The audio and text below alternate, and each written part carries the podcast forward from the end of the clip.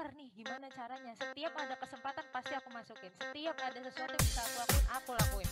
Tapi balik lagi aku nggak melakukan itu kayak semua banyak aku ambil enggak makanya kalau misalkan teman-teman saya bilang merasa stagnan ya saran saya ya coba bisa bilang ya cobalah hal hal apa sih hal lain apa sih yang kamu suka kira-kira nih kak, uh, kalau misalnya nih di lingkungan kerjaan itu toxic gitu ya, kita better bertahan atau uh, keluar aja, resign aja deh gitu. Hanya kalau misalkan uh, di lingkungan pekerjaan yang toxic, pasti kalau toxic itu di mana pun ada ya kak, di pertemanan, entah itu di perusahaan. Nah kita tinggal lihat uh, kalau misalnya kita mau out, kira-kira ada nggak sih pekerjaan yang bisa backup kita gitu? Ada nggak sih memang benar-benar pekerjaannya ketika kita udah mau keluar perusahaan yang benar-benar menjamin uh, apa namanya kemampuan kita gitu. Ada yang mau mengambil kita, tapi kok misalkan itu tidak ada, coba dia sesuatu kenapa toksik itu bisa terjadi pada kita karena belum tentu ketika kita udah pindah atau kita udah resign dari pekerjaan kita akan mendapatkan pekerjaan dan kita terhindar dari toksik tadi. Jadi kalau misalkan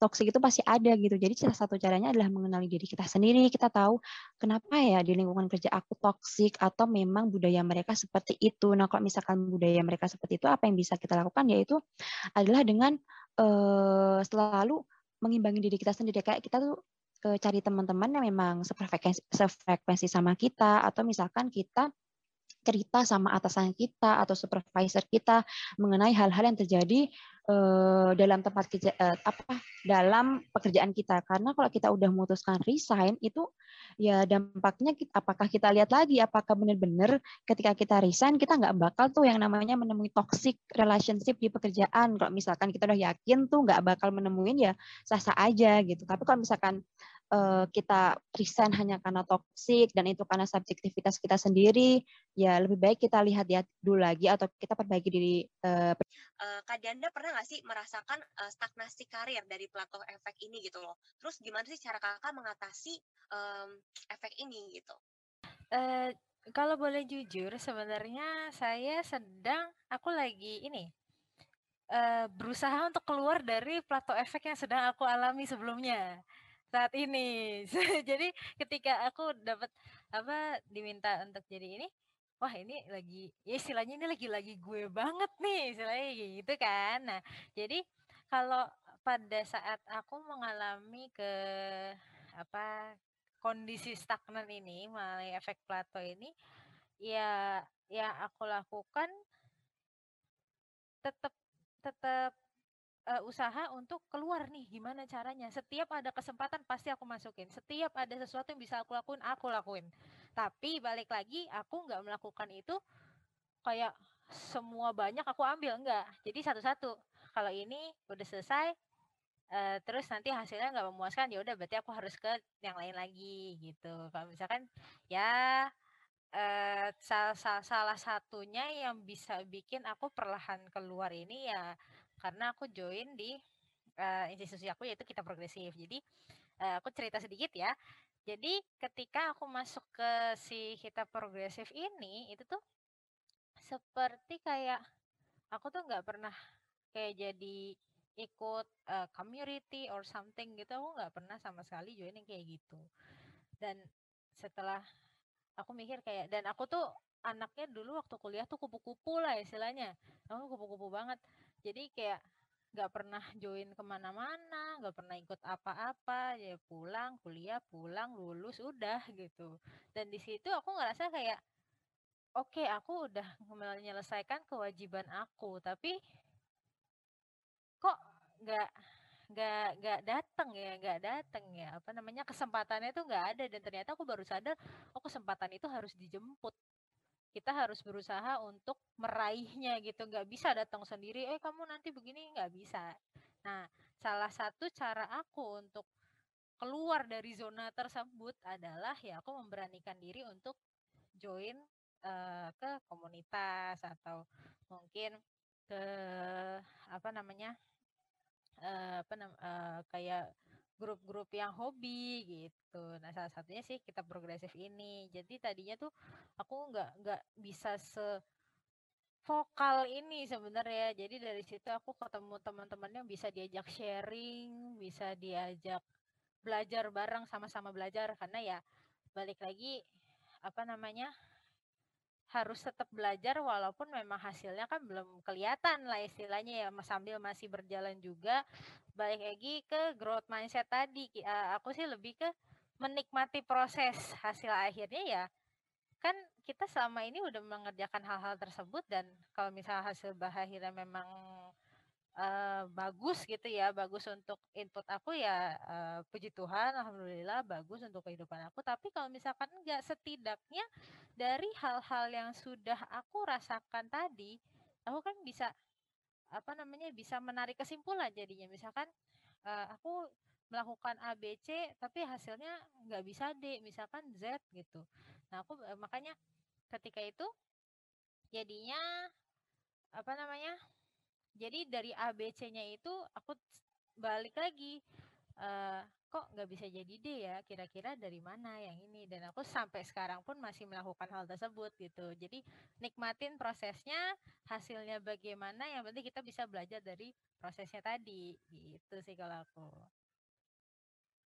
Uh, Kak Alvina mungkin apakah kakak pernah punya klien atau teman yang berada dalam kondisi uh, plato efek ini gitu loh? Dan bagaimana cara kakak memotivasi uh, dia gitu memotivasi orang tersebut. Mungkin aku lihatnya lebih ke scope besar ya, nggak cuma kayak dalam bidang karir atau area tertentu dalam kehidupan ya, cuma dalam scope besar sebagai seorang manusia atau individu gitu.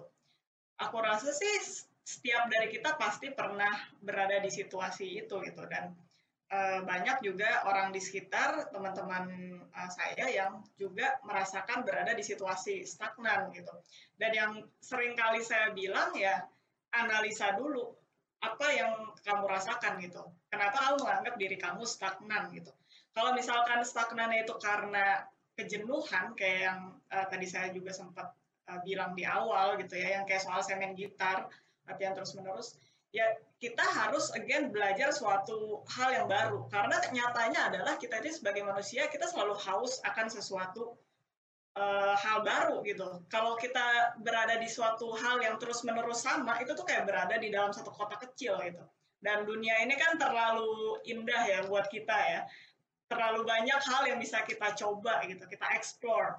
Makanya kalau misalkan teman-teman saya bilang merasa stagnan ya saran saya ya coba bisa bilang ya cobalah hal hal apa sih hal lain apa sih yang kamu suka? Coba lakuin itu nggak usah takut kayak bakal dibilang lu ngapain sih ngelakuin hal tersebut? gitu. Ya it's your life gitu. You have to have fun in this world ya ya nggak? Jadi um, kalau menurut saya sih ya itu mencoba dan selalu belajar hal baru itu ya akan menghindarkan kita dari situasi yang merasa kayak jenuh di dunia ini kok kayaknya gini-gini aja sih nggak ada lagi yang bisa dilakukan Nika, saya lebih sering takut sebelum memulai.